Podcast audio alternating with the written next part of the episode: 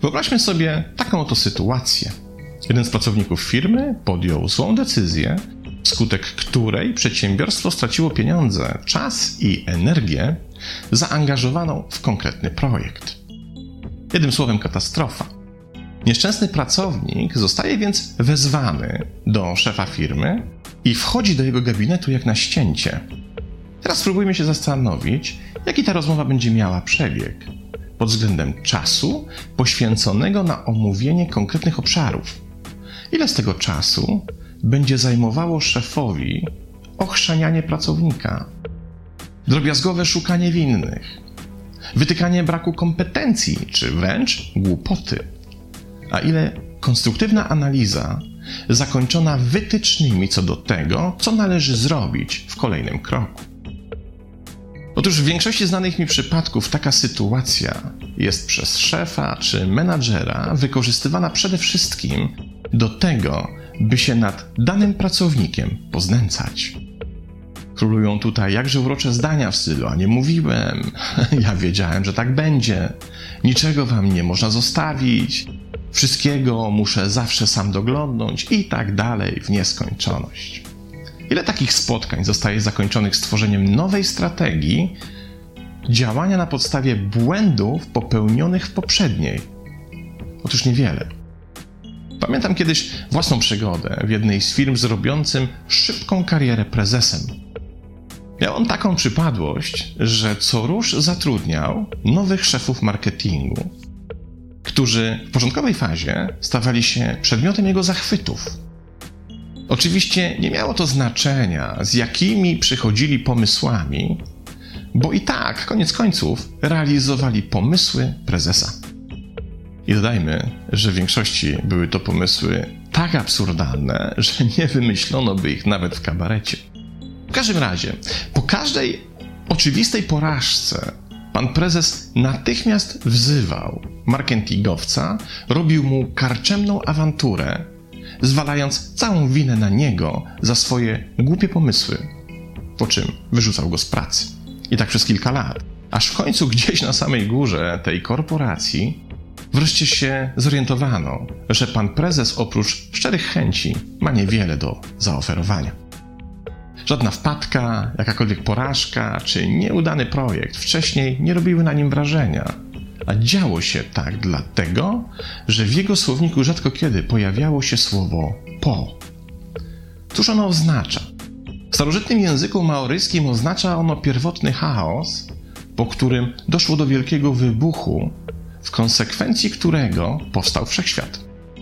Twórca koncepcji myślenia lateralnego, Edward de Bono, powoływał się jednak nie tylko na jego maoryskie znaczenie, ale też na jego występowanie w czterech kluczowych angielskich słowach: hipnoza, przypuszczenie, możliwość i poezja. Bo cztery te słowa w połączeniu miały dawać coś, co dzisiaj nazywamy prowokowaniem działania, czyli provoking operation. O samym De Bono już wspominałem w 44. mini wykładzie dotyczącym efektu Wenus z wioski. Tym razem jednak warto się przyjrzeć jego koncepcji myślenia lateralnego, w którym po znajduje znaczące miejsce. Czym zatem jest myślenie lateralne i sławetne po?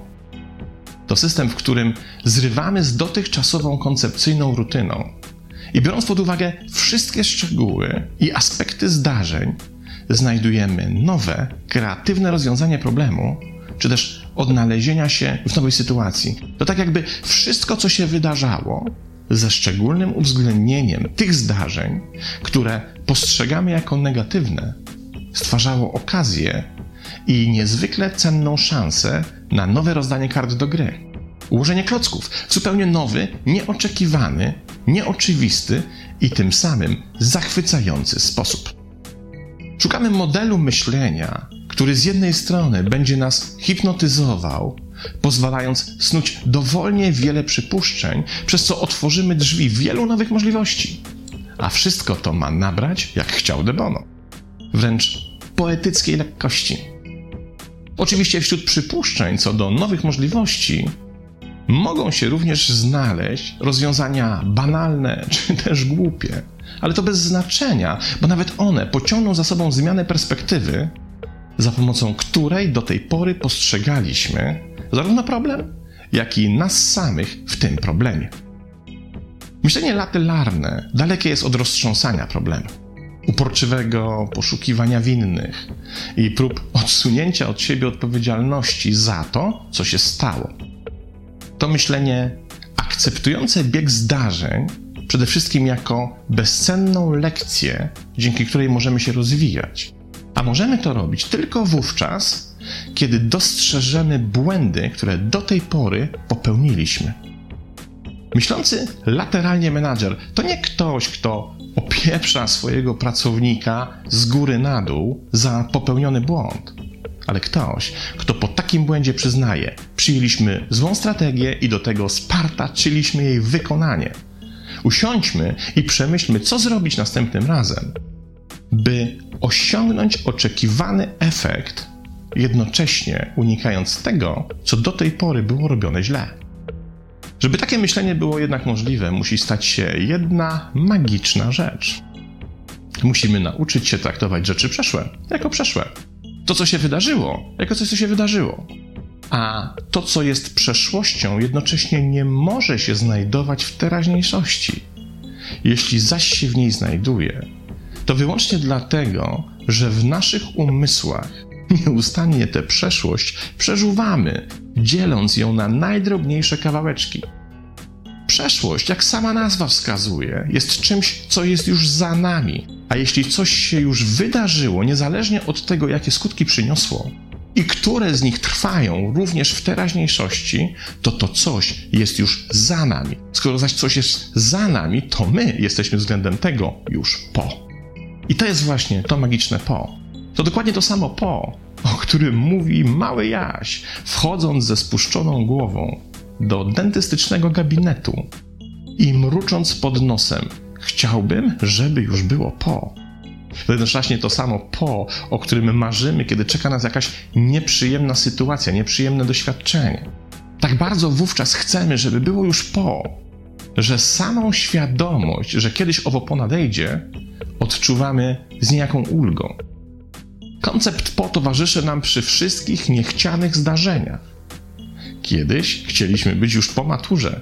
Teraz chcemy, by nastąpił weekend i byśmy mogli odpocząć po całym tygodniu pracy. Są tacy, którzy chcą być po rozwodzie, po szpitalu, po kredycie, po wielu, wielu innych rzeczach, a jednocześnie, kiedy już nadchodzi nasze upragnione po, to wówczas zapominamy skorzystać z pełni tego, co nam oferuje. Oddychamy z ulgą i szybko szukamy kolejnej nadziei związanej z kolejnym niosącym ulgę po. Tymczasem po to jedno z najważniejszych słów, które mają w sobie potencjał tego, co może nastąpić po. A może to być naprawdę wiele cennych rzeczy. Żeby to pokazać, posłużę się tym samym przykładem, którego użyłem na początku. Oto widzimy pracownika, który coś zawalił, wchodzącego jak na szafot do gabinetu swojego szefa. Jednak tam, miast biadolenia i wyzwisk, słyszy następującą formułę. Jesteśmy wszyscy po tym, co się wydarzyło. Zastanówmy się wspólnie, co zrobiliśmy źle, czego nie przewidzieliśmy, co błędnie założyliśmy, jakiej wiedzy, doświadczenia i umiejętności nam zabrakło. A następnie, biorąc to wszystko pod uwagę, stwórzmy nową, lepszą strategię. Zacznijmy lepiej działać, posiądźmy wiedzę, skorzystajmy z lepszych technik i narzędzi i spróbujmy przewidzieć wszystko, co może się wydarzyć po drodze. Dzięki temu nie tylko my w przyszłości, ale też ci, którzy pójdą naszym śladem, będą mieli po prostu mniej pod górkę. A teraz Powiedzmy, jakie mamy pomysły, nieważne czy głupie, czy nie, ważne by były. Czy po takim spotkaniu z szefem łatwiej by się żyło? Oczywiście, ale nie tylko pracownikowi, ale też całej firmie. Problem jednak w tym, że w ten sposób widzenia sprawy, mimo iż występuje w większości podręczników, jest wciąż rzadko obecny w naszych firmach. Ale cóż, zostawmy świat firm, biznesu, zarządzania itd. Tak Był nam potrzebny jedynie do tego, by zilustrować mechanizm lateralnego myślenia i konceptu po. Skoro zaś znamy już ten mechanizm, zastanówmy się przez chwilę, czy czasem nie mógłby się nam przydać również w naszym prywatnym życiu, w całej naszej życiowej aktywności. Jak mogłaby się zmienić jakość naszego życia, gdybyśmy się w nim nauczyli mówić po? Gdybyśmy się nauczyli podchodzić z akceptacją do tego, co się wydarzyło, nawet wówczas, kiedy bardzo się to nam nie podoba i zamiast biadolić, włączali lateralne myślenie, począwszy od wypowiedzenia na głos magicznego słowa po. Rzuciła cię dziewczyna? Powiedz po.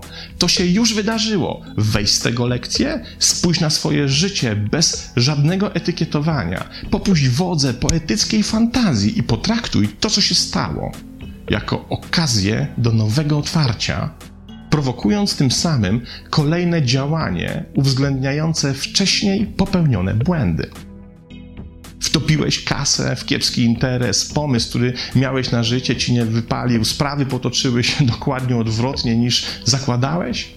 Powiedz po. I biorąc pod uwagę wszelkie wcześniej popełniane błędy, zacznij tworzyć swoje życie na nowo. Zawiodłeś się na kimś? Ktoś cię rozczarował? Okazał się inny niż myślałeś czy myślałaś? I zamiast złotych gór szczęścia zostawił cię z ręką w nocniku? Powiedz po bo właśnie odebrałeś czy odebrałaś od życia bezcenną lekcję. Teraz już wiesz, jakich relacji unikać, do jakiej studni ponownie nie wskakiwać, na co się już nie dać nabrać. Sztuka mówienia po to bezcenna umiejętność czyniąca nasze życie łatwiejszym i pomagająca nam w o wiele szybszym rozwoju. I zapewniam, że nie trzeba się jej uczyć przez wiele lat. Pojawia się niejako automatycznie, kiedy udaje nam się rozszerzyć świadomość i spojrzeć na siebie i swoje sprawy z odpowiedniego, niepozbawionego poczucia humoru dystansu. Pozdrawiam.